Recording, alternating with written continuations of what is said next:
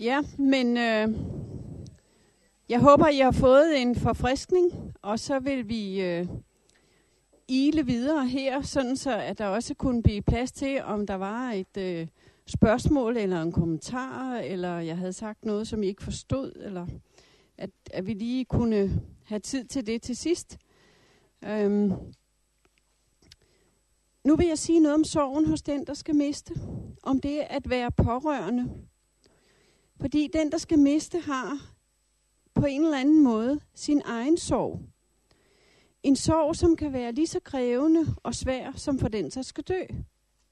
Men den, der skal miste, for ham eller hende stopper sorgen jo ikke ved døden, men bliver en medvandrer resten af livet.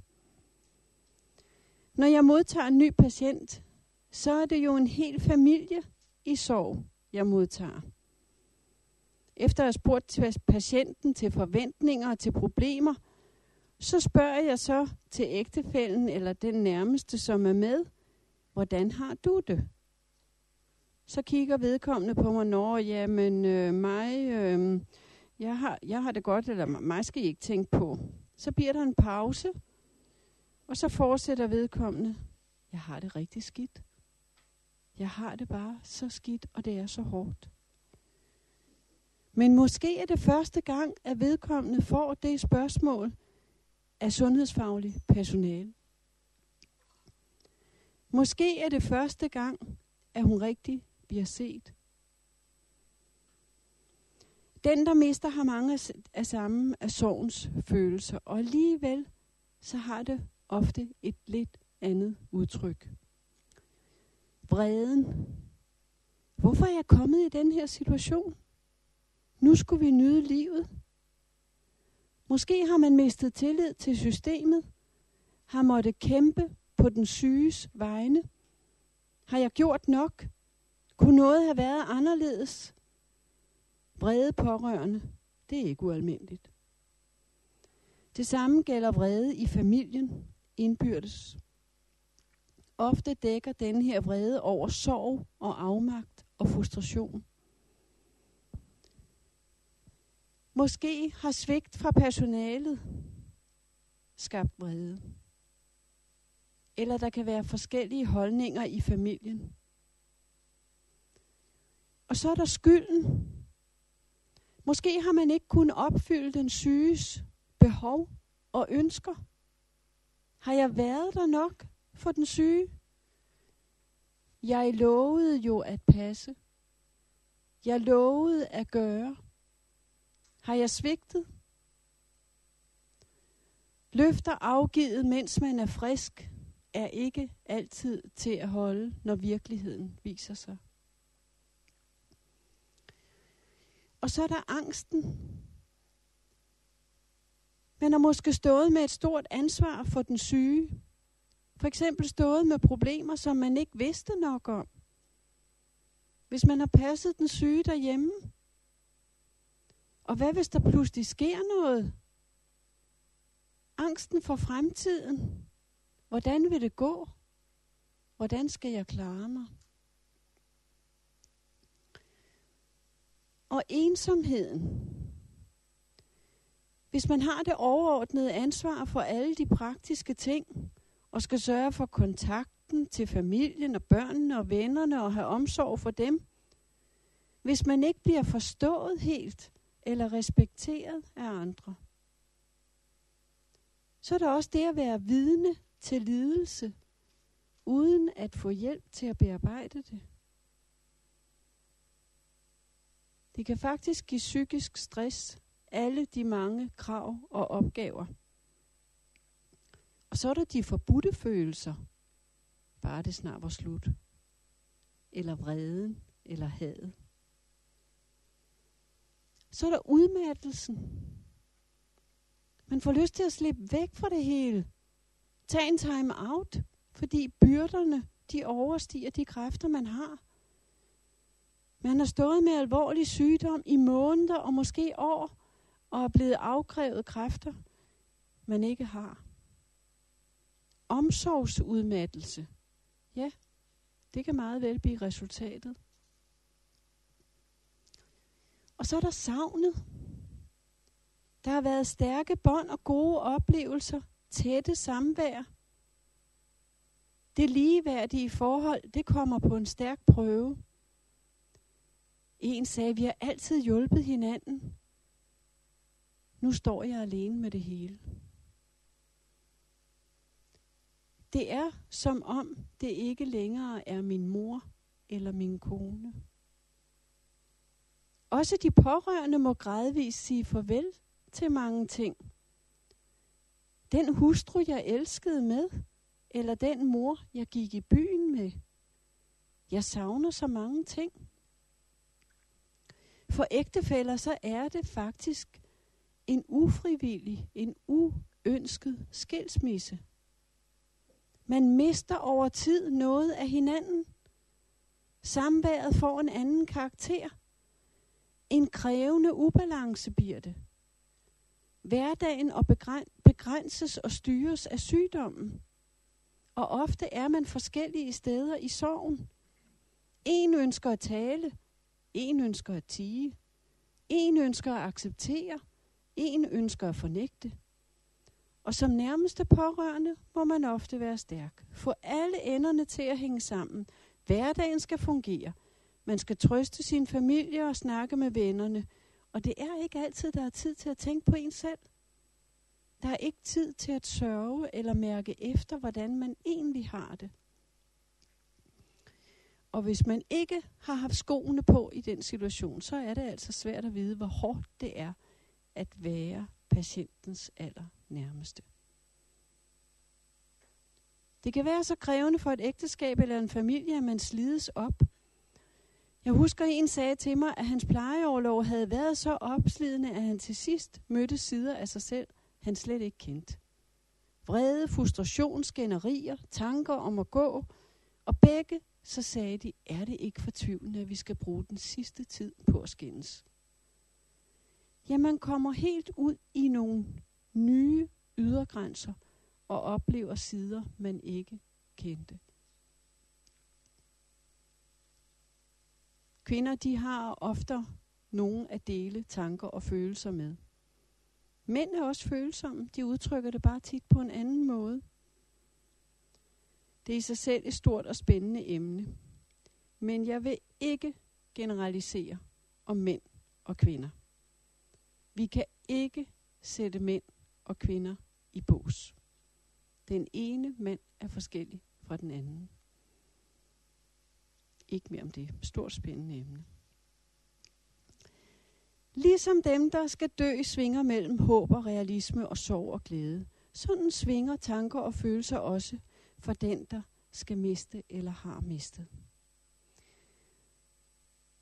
De to, jeg talte om, professorer, øh, Margaret Strøbe og Schott, de taler om det tabsorienterede og det nyorientering, genindsættelsesorienteret.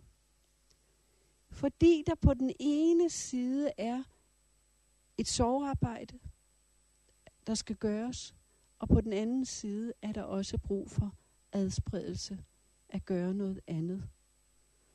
På den ene side er der brug for at genopleve sorgen og gå ind og give sig selv lov til at se og være i det, som er rigtig svært. Og på den anden side er der også brug for at gøre nogle livsbekræftende ting. Der er brug for tid til at omforme bånd. Der er brug for tid til at give slip. Ikke glemme, men omforme bånd. Og der er brug for tid til at gå ind i nye roller. Fordi der er en tab af identitet, og der er en ny identitet, som skal skabes. Men den vekslen, den er normal, og faktisk er den sund og nødvendig og vigtig. For hvis man helt fordyber sig i tabet og sorgen og aldrig holder fri for sorgen, så risikerer man at sidde fast nede i mørket. Omvendt, hvis man kun holder fri for sorgen, helt fortrænger den, ikke vil tale om den, ja, så kan det give både fysiske og psykiske udtryk senere hen. Sorg er som regel en naturlig helingsproces, og målet med sorgarbejdet er ikke at glemme afdøde og lægge fortiden bag sig og kun se fremad. Det er at omforme båndene, at finde plads til afdøde på en ny måde i en ny dagligdag. En sagde til mig, jeg bliver helt varm indeni, når jeg tænker på min mand. Og en teenager sagde, selvom jeg bliver ked af det, så får jeg en god følelse i kroppen, når jeg tænker på min mor. Ganske lidt om børn. Børn har nemlig deres egen måde at sørge på. Dem har vi rigtig meget at lære af. De er gode forbilleder. Børn de er nemlig super gode til at gå ud og ind af sorgen. Eller sagt på en anden måde, de er gode til at holde fri fra sorg. Jeg går ofte med børn i vores dejlige sansehave på arbejdet. En dag så var der en dreng på 8 år, der hjælper mig med at fodre fiskene, og da vi har stået lidt, så spørger han mig så, er det i dag, far skal dø? Så får vi en snak om det. Og han siger, det er altså dumt, at min far han skal dø. Vi taler videre. Men 10 minutter senere, så spørger han, hvorfor er fiskene forskellige farver? Skal vi ikke give dem noget mad? Og så går vi videre, og på vej ind skal finde en is og sætte os med et spil. Det er helt naturligt. Og når vi så sætter os og spiller, så er det jo ikke ens betydende med, at man ikke er ked af det, eller glemt, at far han er syg. Nej, det er bare vigtigt at skabe små oaser med gode oplevelser og en god følelse. Børn har brug for små frihedsoaser. Det har den voksne også. Børn kan godt tåle at være med i det svære, når der er voksne med til at støtte og til at forklare. Børn har brug for at få forklaret tingene i forhold til alderen og få lov til at vide, hvad det er, der sker. Det skaber tryghed. De kan også godt tåle at se de voksne græde. Børn har brug for at tage afsked. De skal ikke senere bære rundt på spørgsmål om, hvorfor de ikke måtte være med. Jeg har siddet med rigtig mange voksne, som var vrede over, at de ikke fik lov til at være med, da de var mindre og mistede. Børn reagerer forskelligt afhængig af alder, og afhængig af deres situation. En dreng lavede en tegning til sin far, og så skrev han, tak far. Han var otte år. Tak far, fordi du har lært mig næsten alt, hvad jeg skal vide. Sikke en hilsen at have hængende som far ud for sit ansigt, når man ligger og skal dø. Jeg vil læse et digt fra et fortvivlet barn. Mistedigt har han kaldt det. Jeg ser normal ud, men er det ikke. Jeg prøver at være barn, men er det ikke. Jeg siger, jeg har en far, men har det ikke. Jeg siger, jeg ikke har sover, men jeg har det. Jeg prøver at lege med de andre, men vil det ikke. Jeg håber, jeg får aftensmad, men får det sikkert ikke. Jeg håber, mor er hjemme, men hun er det sikkert ikke. Jeg håber, hun kommer ædru hjem, men gør det sikkert ikke. Jeg prøver at være otte år, men det kan jeg ikke. Dagen lang lader jeg som om, jeg har en barndom, men jeg har det ikke. Med det, jeg har beskrevet indtil nu, så er det ikke svært at se eller forestille sig en familie, som ikke bare sørger på forskellige måder, men som også er vidt forskellige steder i sorgen. Ægtefæller, børn, søskende, forældre. Tænk på det eksempel, jeg fortalte om, om manden, der mister sin unge kone. Han havde fulgt hende igennem hele sygdomsforløbet. Det var godt, siger han, da hun dør. Kærligheden gjorde, at nu havde lidelsen varet længe nok. Datteren bliver rasende. Virkeligheden går først op for hende nu, da hun dør. Han vil gerne hjem og have ryddet op og smidt tøjet ud, og nu skal der være... Nej, det hele skal være sådan, som det har været. Der er ikke noget, der skal smides ud. Målet er ikke, at de skal reagere ens eller være ens. Målet er, at de skal give plads og respekt og forståelse for hinanden. Så hver af dem kan få lov til at sørge i sit tempo. Ofte er familien forskellige steder i sorgen. Ofte er det også vanskeligt at sætte ord på de inderste følelser. Det er det også i velfungerende familier. Det gør ondt. Og man vil ikke sove. Det gør ondt at sige farvel. Jeg må ofte som medvandrer støtte og hjælpe og turde tale om det, der gør ondt. Hvordan har dine børn det? Har du talt med dem om det? Tror du, de har brug for at tale med dig? Det du fortæller mig nu, har du talt med din mand om det? Eller med dine børn? Nogle børn og voksne fortæller, at deres far ikke vil tale med dem om, at de skal dø. Og det blev en stor smerte, som de må bære på. Nogen tænker, en voksen søn, jeg tror han har været fem og midt i 40'erne, han sidder grædende og siger, jeg havde håbet, at min far sagde, at jeg var god nok. Men jeg, han gjorde det ikke, og jeg har alt, han har aldrig sagt det direkte til mig. Så jeg ved det ikke. Tænk på i tide, hvilken betydning det har at få talt sammen. At få fortalt hinanden de vigtige ting, man gerne vil sige. Fordi det har uvurderlig betydning. Jeg har fået lov til at læse et digt skrevet af en mor, den nat hendes datter døde hos os. At høre sit barns første skrig er den største lykke, du kan opnå. At høre sit barns sidste suk er den største sorg, du kan få. Men uden kærlighed var der ingen sorg. Min dejlige datter, du døde alt for ung. Det har gjort mit hjerte så tungt, så tungt. Jeg lå hos dig en stund efter din død. Jeg viskede til dig, hvad du for os alle betød. Du sov så stille ind, jeg strøg dig blidt på din kind. Fuldmånen lyste i himlens bue, vi åbnede vinduet på din stue, og din sjæl fløj ud i månens lys. Jeg gav din kind det sidste kys. Dit store varme hjerte gik i stå, men minderne om dig vil altid bestå. Nu er du hos din far og hos din elskede Daniel. Farvel, min elskede pige. Vi ses i Guds himmerige.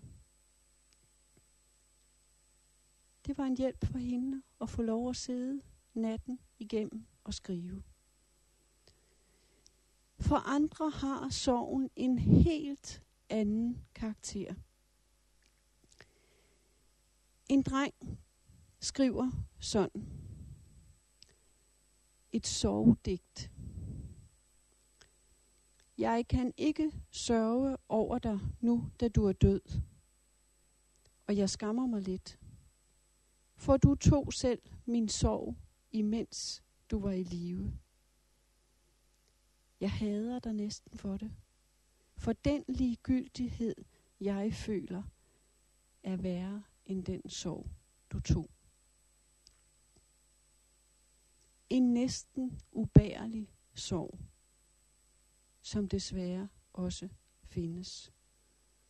Sorgen over, at der ingen sorg er, fordi kærligheden er slået ihjel. Smerte og savn blandt de nærmeste – ja, det er ikke ualmindeligt.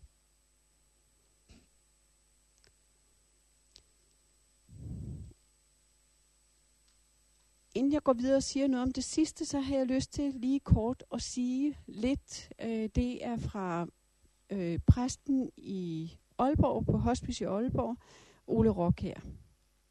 han har arbejdet med øh, emnet. Han siger noget om livet, som jeg synes er værd også lige at tænke over i denne forbindelse. Han siger, vores daglige bevidsthed eller grundforventning til livet, det er, at vi tænker, at verden grundlæggende er et trygt sted at være for mig og for mine. Lidelse, det er noget, der rammer naboen. Livet er meningsfyldt og sammenhængende og forudsigeligt. Vi kan planlægge og kontrollere fremtiden. Man dør, når man er gammel og mæt af dage. Jeg er et selvstændigt menneske, frit og uafhængigt. Jeg kan skabe mit eget liv. Gud er den, der beskytter mig mod det onde. Hvad skal jeg ellers bruge Gud til? Det virker måske lidt sat på spidsen, og alligevel så er det lidt sådan rigtig mange af os lever. Men virkeligheden, virkeligheden er, at vi hverken kan kontrollere livet eller fremtiden. At vi i grundlæggende forstand er afmægtige og sårbare væsener. At der er lidelse i verden, og den rammer tilfældigt, og den kan derfor også ramme mig. Og at døden ikke kun er for dem, der er midt af dage. Det onde sker også i livet, og der er ofte ikke nogen fornuftig forklaring på det eller mening med det. Vi er afhængige af andre, vi har brug for hjælp, og Gud er ikke bare en succesgud.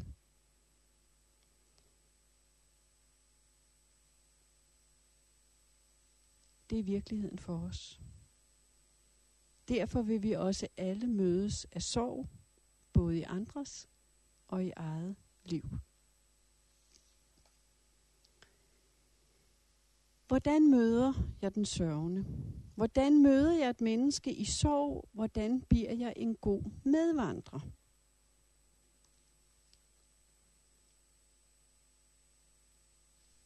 Et digt fra Norge.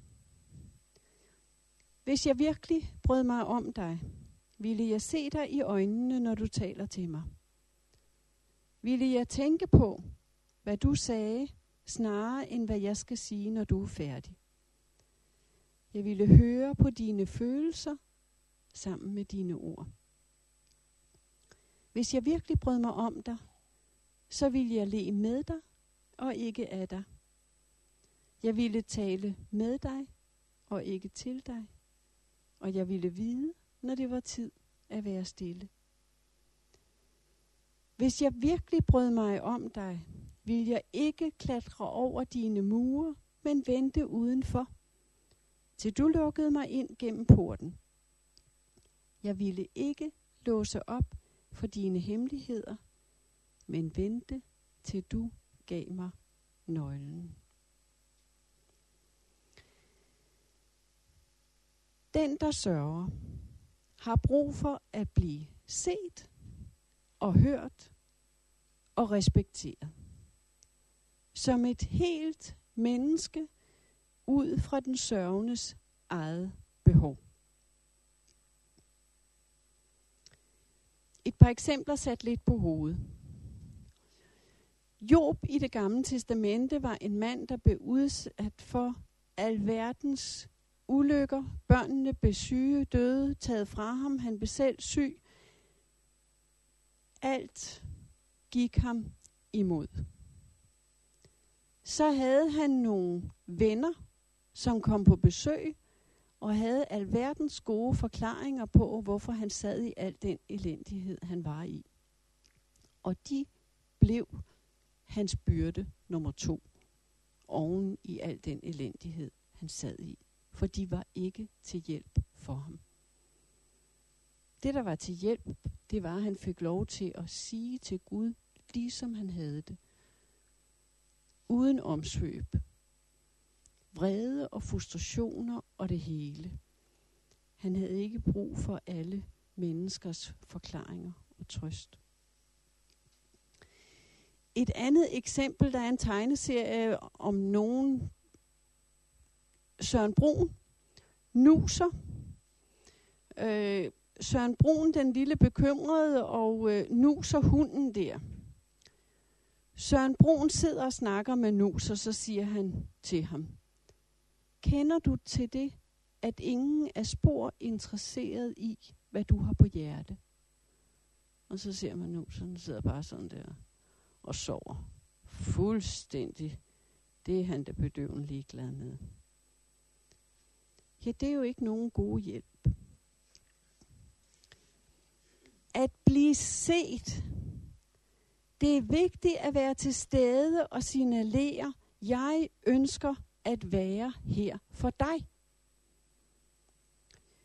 Hvis nogen af jer kender fangekoret, Louise Adrian, som står for koret i Vridsløs Lille, og haft det igennem mange år og har rejst landet rundt, hvor de har sunget, de fanger der, der sidder i fængsel, de siger om Louise, da de mødte hende, og hun op, de oplevede, at hun så dem, der blev de til mennesker. De oplevede at blive set. Jeg er her for dig. Der er ikke noget andet, der kræver min opmærksomhed lige nu.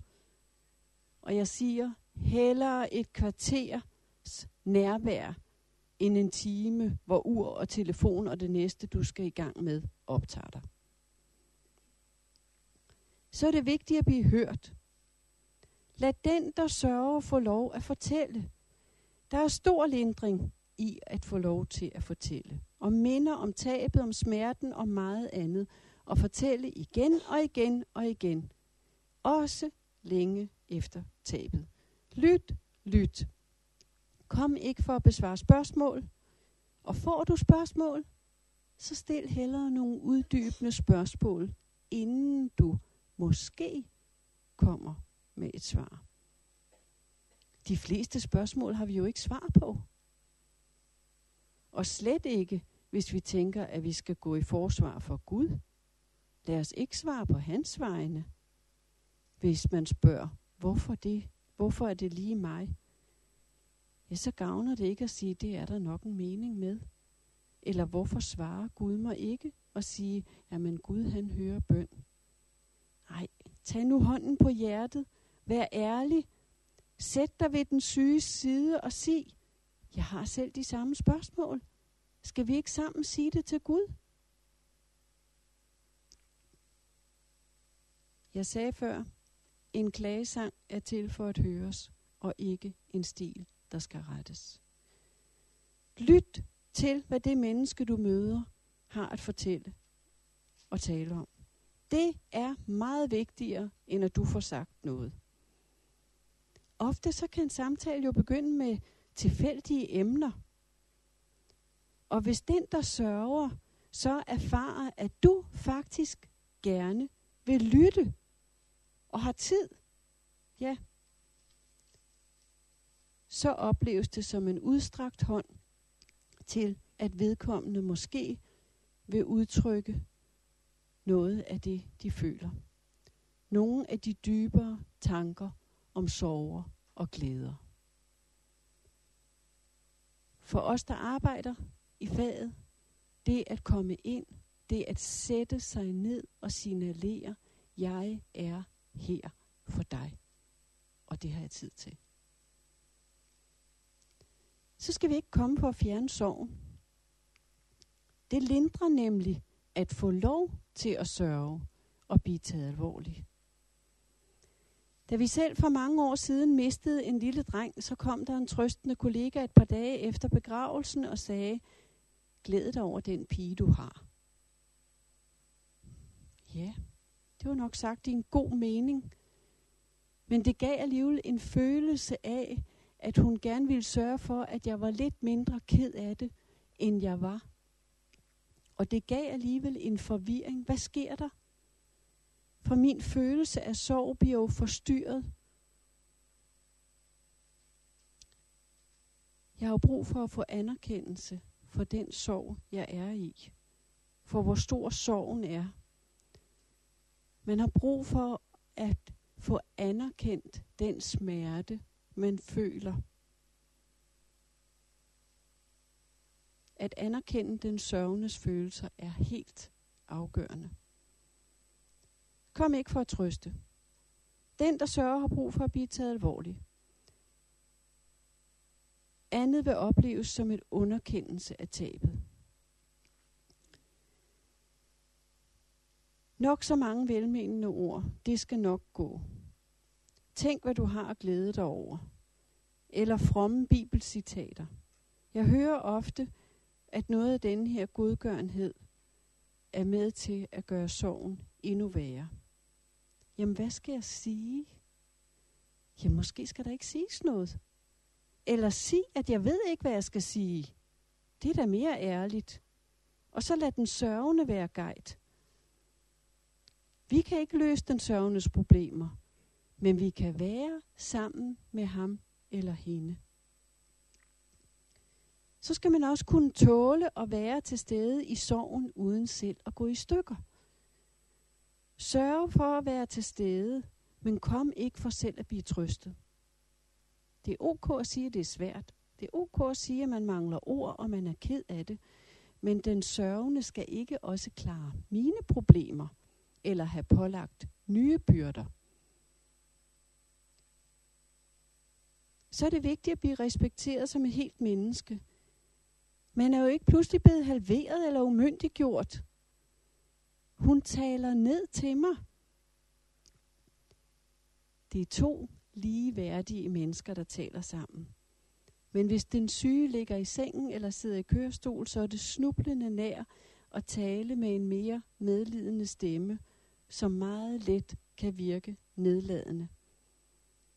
Eller den, der har mistet græder, og i sin medfølelse ændrer man tonelaget. Min gamle mor på 99, som får hjælp til rengøringen hver 14. dag, hun ved klart med dem, der kommer ind ad døren, og reagerer på, hvordan de taler til hende. Nå, Bet, hvordan går det så i dag? Og hvis jeg er der og ser hende, så kan jeg se, om lige, nu hun lige ved at eksplodere. Altså. Og man tænker måske ikke over det, men det betyder bare rigtig, rigtig meget, at vi er to lige værdige mennesker, selvom at den ene måske ingenting kan. Så skal jeg møde den sørgende, hvor vedkommende er. Skal se på de situationer ud fra den sørgendes behov. Behov for at lytte, Måske er der behov for at gå en tur i skoven. Måske er der behov for at få bragt måltid. Eller få hjælp med noget praktisk. Nogle papirer, der skal ordnes. Måske er det at invitere. Hold ikke den sørgende udenfor. Måske er der brug for at spille tennis. Måske er det bilen, der skal repareres. Spørg. Hvad kan jeg gøre for dig? Er det i orden, jeg ringer til dig? Er det i orden, jeg kigger forbi? Så er der nogle gange, det kan være godt at få talt med en præst. Nogle gange kan det også være godt at få lov til at være med i en sorggruppe. Det er forskelligt. Nogen har brug for et menneske, der vil være en medvandrer og lytte. Men husk, at de sørgende er forskellige steder i sorgen. Tænk på mine eksempler. Faren, der udbryder, at det var godt, konen døde. Teenageren, der blev rasende. Jamen, de har det jo rigtigt begge to. De er bare forskellige steder. Undgå de løftede pegefinger. Lad være med at vurdere noget, som du ikke har forudsætning for at vurdere. Jeg husker dengang Kasper Holten, han blev skilt fra sin, for nogle år siden fra sin hustru, og holdt der op, hvor var der der mange meninger om, øh, hvad der blev gjort galt i det stykke. Og mennesker, de udtalte sig. Der var bare ingen, der overhovedet kendte den ene eller den anden. Meninger var der nok af. Nej, hvis der er handlinger, som du ikke forstår, så døm ikke for der er næsten altid en forklaring på det. Det er ikke muligt at sætte tid på sorgen. Den kan være ved på forskellige måder. Jeg husker, at jeg talte med øh, to kvinder, jeg kender godt, og jeg talte med dem, øh, da jeg talte med dem, så havde de begge mistet deres mænd et halvt år tidligere. Og så havde de været til fest sammen. Da man så ud på en aften når til, at, øh, at der er mulighed for at danse, så havde den ene rigtig meget behov for at danse, og den anden magtede dårligt at være til stede til festen. Den første havde haft en syg mand igennem flere år og havde været afskåret fra det sociale liv og aktiviteter uden for hjemmet. Den anden havde mistet sin mand pludselig under en operation. Hun kunne slet ikke rumme tanken om fest. For de var helt, og de var helt hver deres sted i sorgen. Nogen, der mister, har brug for at begynde hurtigt på arbejde efter tabet. Nogen venter længe. Hvornår må man begynde at lave sjov, eller grine, eller glæde sig? Er det mærkelige spørgsmål? Nej, det er dem, jeg møder, når jeg har samtaler med pårørende en måned efter dødsfaldet. Jamen det er bare fordi, der er nogen, der undrer sig over, at jeg allerede har været til koncert, eller jeg allerede har været i biografen. Mange lukker sig inde, hvis de bliver mødt af medvandrere, som tager livet af dem. I stedet for at give ny energi til nyt liv. Men når det er sagt, så har jeg alligevel lyst til at sige med store bogstaver. Den sørgende har brug for en medvandrer. Det vil sige, en, der vil gå ved siden af. Ikke foran, ikke bagved, men ved siden af. Og gøre det med ydmyghed. I forhold til vores medmennesker, så er ydmyghed erkendelsen af andres værd. Sand ydmyghed hviler på en erkendelse af, at jeg ikke ved alt. Ydmyghed er ikke selvudslettelse, men det er det at have respekt for andre. Søren Kierkegaard har mange kloge ord om ydmygheden. Og han siger, at vil man hjælpe et andet menneske, så må man først være villig til at ydmyge sig. Den sørgende har brug for at blive set og hørt og respekteret.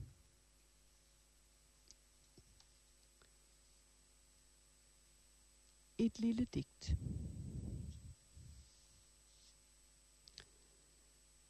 Jeg ser, at du er træt.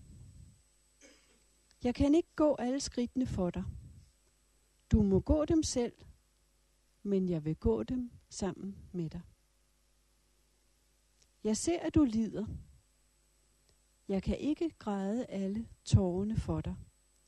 Du må græde dem selv, men jeg vil græde sammen med dig. Jeg ser, at du vil give op. Jeg kan ikke leve livet for dig. Du må leve det selv, men jeg vil leve det sammen med dig. Jeg ser, at du er angst. Jeg kan ikke gå i døden for dig. Du må selv smage døden, men jeg vil gøre død til liv for dig.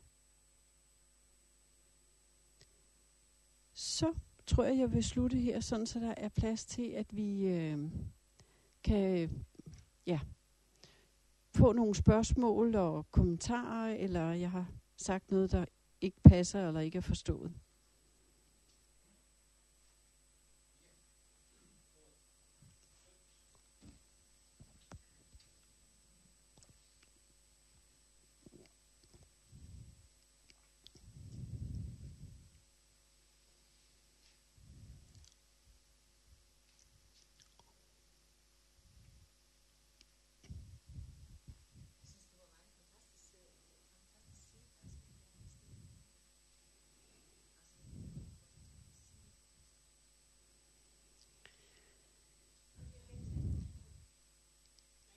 Det, det er øh, det, det er en kommentar, at det, det må være en fantastisk opgave at, øh, at stå i som sygeplejerske. Jeg får nogle gange spørgsmålet, om ikke det er svært, eller hvordan kan man være i det. Og på den ene side, så er det, så er det jo rigtigt, at det er krævende, og jeg siger, øh, jeg har lige siddet med ansættelsessamtaler, man skal ville det. Men når det er sagt, så tror jeg, jeg får mere, end jeg giver. Det er i hvert fald, hvad jeg oplever. Fordi jeg har ikke en eneste samtale med patient eller pårørende, uden jeg bagefter tænker, der var noget, jeg lærte. Og noget, jeg fik med mig.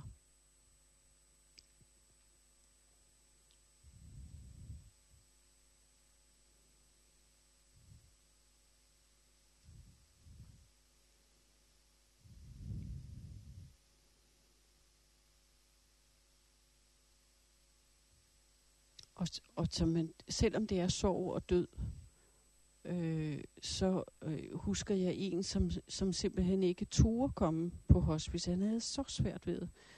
Og det endte med, at han kom, og han var der, og han var der hele tiden, og han sad i sofaen, og tårerne løb, og han sagde, tænk, at noget kan være så smukt, samtidig med, at det er så svært.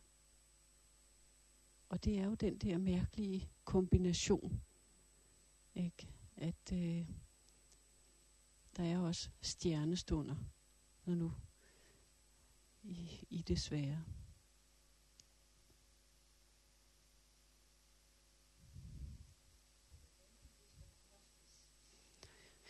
Øhm, ja, det spørgsmål får vi nogle gange, og det, øh, jeg tror, det kan godt være lidt forskelligt fra hospice til hospice.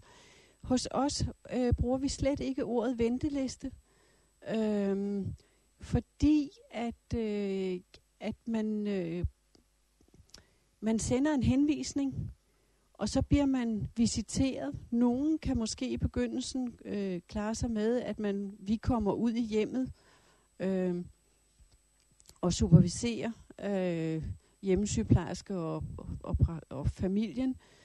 Øh, men andre gange så oplever vi jo også, at vi får visitationen i dag, men ser, den her person skal herop op i morgen. Så når der er en plads, så ser vi på dem, der ligger i den bunke, der har brug for plads. Hvem er det, der har mest brug for plads?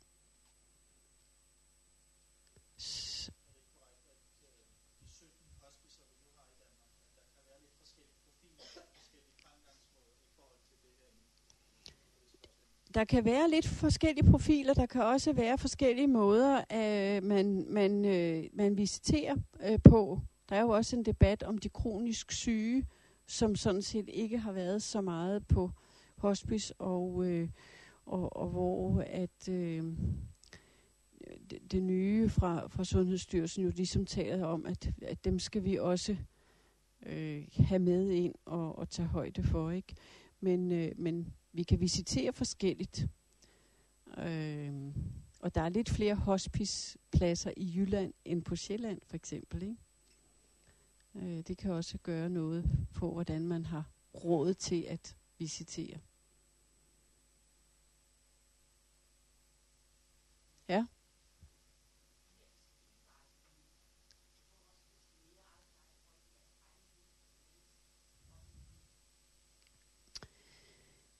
Øh, altså, det kan være svært at give et, et, et, et entydigt øh, svar. Jeg vil sige, at de sygeplejersker, der arbejder på hospice, kan jo have meget forskellige syn øh, øh, på døden. Øh, men når det er sagt, øh, så tror jeg, at der for alles vedkommende er brug for en eller anden afklarethed. Øh, fordi hvis, hvis man selv tumler rundt med en rigtig... Vi har haft nogen øh, studerende, som faktisk måtte stoppe efter få dage, fordi de følte, at øh, de blev fuldstændig væltet om kul øh, og væltet af eksistentielle spørgsmål og hvem de selv var. Øh, så, så det... Øh, der, der vil jeg mene, at hvis man skal, øh, hvis man skal stå distancen øh, på, på et hospice, øh, så skal man også have våget at kigge ind af i sig selv og, og, øh, og selv have nogle tanker om livet og døden.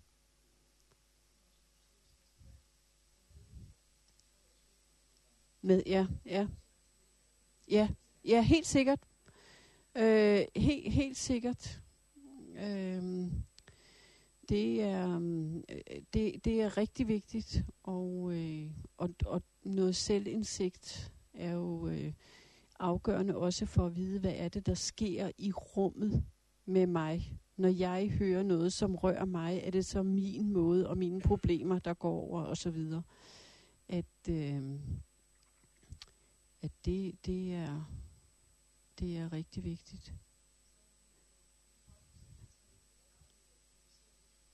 Ja. Øh, altså, der er jo, nogle steder er der et øh, palliativt team, som er, er knyttet, og jeg ved, at herover er der flere steder, hvor at det så at det egentlig er dem, der visiterer.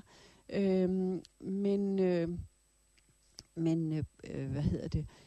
På Sjælland, der har vi jo ud fra hospicene, er der et udkørende team. Det vil sige, at vi har en gruppe sygeplejersker hos os, øh, som tager ud i hjemmene eller på sygehusene og visiterer, øh, og tager også ud og superviserer og underviser. Det gør vi andre så også, men altså, at de, de tager ud og, og visiterer. Ja. Ja. Ja. Mm.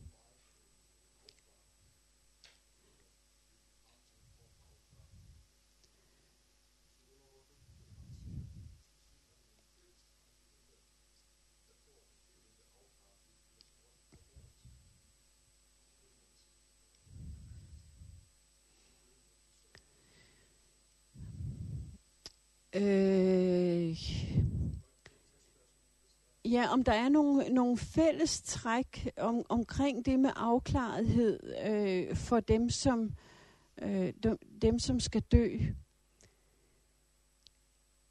Altså, øh, der må jeg jo sige, at jeg meget har det, så jeg, hvert enkelt menneske er unikt og har sin historie og øh, har sin tilgang Øh, så, så der vil jeg um, slet, slet ikke ture og øh, generalisere.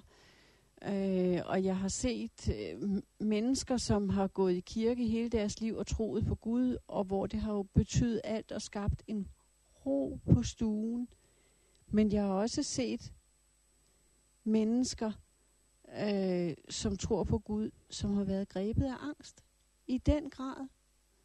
Så, så man kan ikke sige, øh, fordi at, så vil det være på den måde. Ja. Ja. Ja.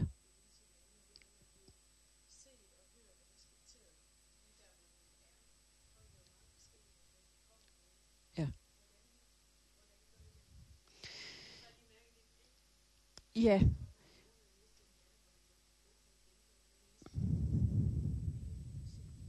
Præcis. Lige præcis. Og det er jo rigtig, rigtig vigtigt at finde ud af. Og vi, vi bruger meget øh, livshistorien.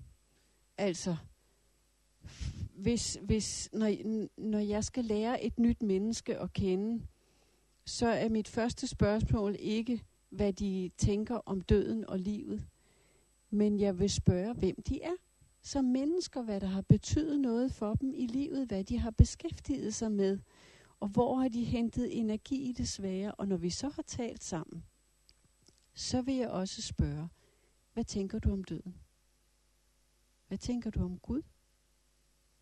Tænker du, der er et liv efter døden? Helt enkle spørgsmål, men jeg vil stille dem, og det giver en god og åben snak. Nogle gange ved de det ikke, og nogle gange spørger de, ja, hvad, hvad synes du? Ikke? Hvad tænker du? Det, øh. Men jeg har lyst til faktisk at knytte en kommentar til dit spørgsmål. Øh, fordi øh, der, hvis jeg skulle sige et lille gennemgående træk, som jeg oplever, det er, at de mennesker, der har levet livet, mens de levede, de har lidt lettere ved, når de når til, at livet er slut. Hvorimod de mennesker, som synes, at hele deres liv har været en fiasko, og de ville faktisk gerne have gjort alting anderledes, de har rigtig, rigtig svært ved at nå til, at nu er det slut. Det er sådan, øh, men, men det er faktisk noget af det, som øh, jeg kan se øh, går igen, og det kan jo findes på, hos Altså om man tror det ene eller det andet, eller hvilke typer mennesker, så kan, så kan det jo findes indenfor med, ja. Men, men det er sådan lidt, ja.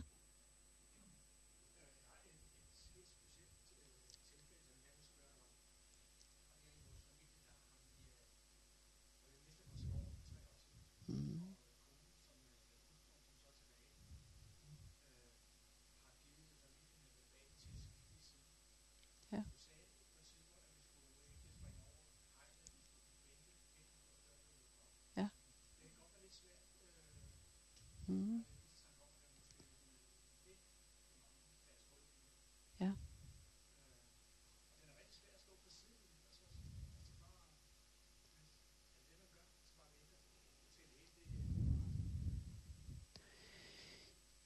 Men man kan jo godt være ærlig om det, man oplever. Ja. Øh, det, det, øh, og, og de verbale tæsk, fordi at de er jo udtryk for en, en, en sorg og, og en krise og, og, og, øh, og hjælp. Ikke?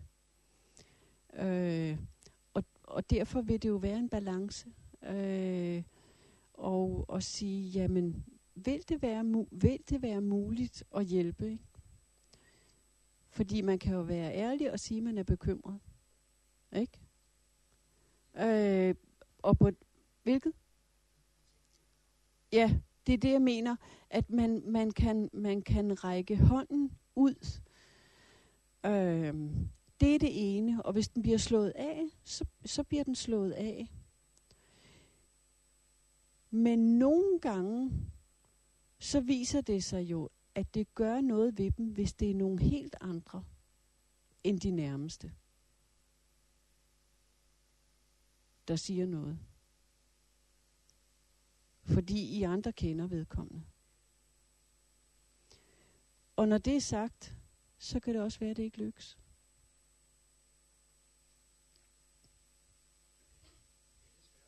Det er rigtig, rigtig svært. Det er rigtig, rigtig svært. Og så kan man sige, hvis der så er børn, altså hvis der er nogen, der ligesom, fordi dem, der er tæt på, de lider jo i det her. Ja, ja, ja. Men, øh, men, men derfor er det stadigvæk, øh, altså, jeg vil sige, jeg har set mange voksne børn sidde og græde tårer over ting, der er sket. Ja. Øhm. det, øhm. og, nu, og nogle gange så er det jo afmagten, øh, vi, vi står med. Øh, noget af det, jeg, jeg, jeg selv synes er sværest, det er, hvis jeg ser et menneske lide. Øh, og det kan være fysisk smerte, psykisk smerte, og man ikke får lov at gøre noget. At de ikke vil have noget medicin, og man ikke, man ikke får lov, men de faktisk lider. Fordi så er det, så er det jo magtesløsheden, man, man, man står med og bare må være vidne til den lidelse. Det, øh, det, det,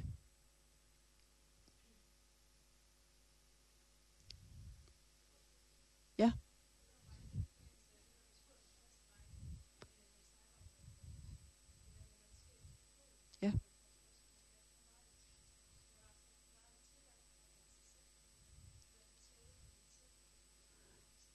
Ja. Ja. Ja. Altså, hvis, hvor meget er det tilladt ligesom at, at give sin egen mening til kende, og, øh, og i spørgsmålet om, om døden, og tror I på et liv efter døden og sådan. Fordi at der er det jo vigtigt at møde den, som er syg, den, som jeg taler med. Hvad tænker vedkommende? Og, øh, og jeg spørger, hvad de tænker om døden. Jeg spørger, hvad de tænker om Gud. Jeg spørger om, de beder. Øhm, og så spørger vedkommende mig, tror du selv på Gud? Ja. Det gør jeg. Det kan jeg godt svare på. Øh, der er også nogen, øh, når du har en salmebog liggende der. Ja, det kan da godt være. Der kan også være noget andet. Jeg spørger meget til. Så er der et ikon, så er der et billede eller noget andet. Og finde ud af, hvem, hvem er du? Det betyder jo også, at der er jo også mennesker, for hvem skal jeg bede fader hvor for dig? Skal vi bede en bøn? Skal jeg læse et stykke for dig? Ja, så gør jeg det. Vi havde også en indlagt øh, på et tidspunkt, vi har haft mange forskellige, men en Jehovas vidner, som havde svært ved at læse, og han ville gerne have læst sit stykke. Ikke? Så læser jeg det stykke, han gerne vil have læst. Ikke?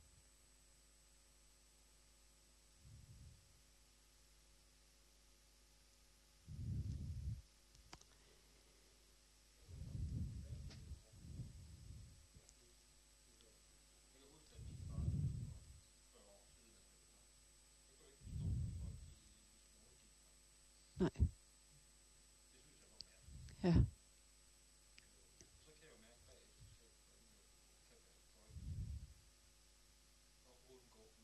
Mm, ja, ja.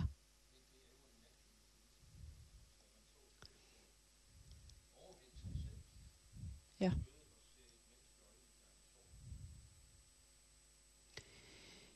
Ja, og det er jo også, fordi på den ene side, så, så øh, øh, både det at blive undgået, men også det at, at gå udenom. Ikke? Øh, folk de går over på den anden side af vejen.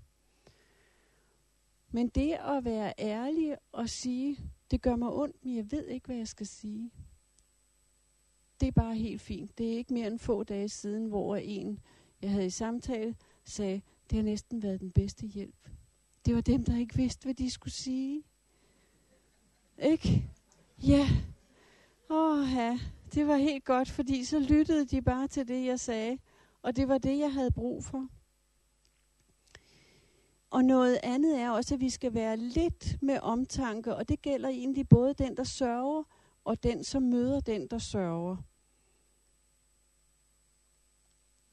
Hvis jeg møder dig i Netto, og ved, at du er rigtig, rigtig ked af det,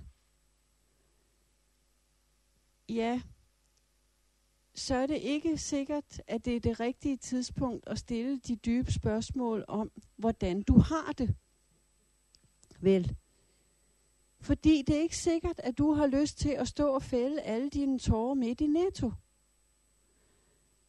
Øh, så, så det er der også noget med værdighed og respekt at sige, altså, vi taler sammen om noget andet, ikke? Og en dag, så må jeg høre lidt, hvordan det går. Øh, så ikke man som sørgende føler sig afklædt, fordi så går man nemlig ikke ud, hvis det er sådan, at man får de der spørgsmål helt ind lige midt på fortoget, og nu står jeg bare helt ked af det.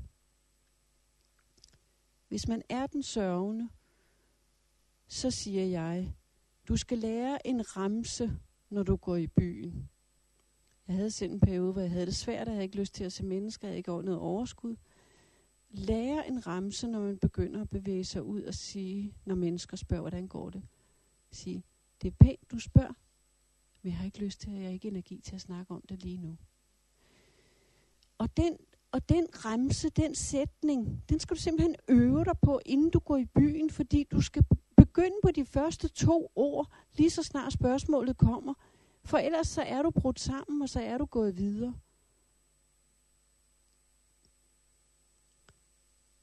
Så det kan også være en hjælp til at blive lidt påklædt som sørgende til, at man selv lidt er med til, øh, hvornår man vil lukke op for det eneste. Tak for, du spørger, men jeg har ikke lige energi til at snakke lige nu.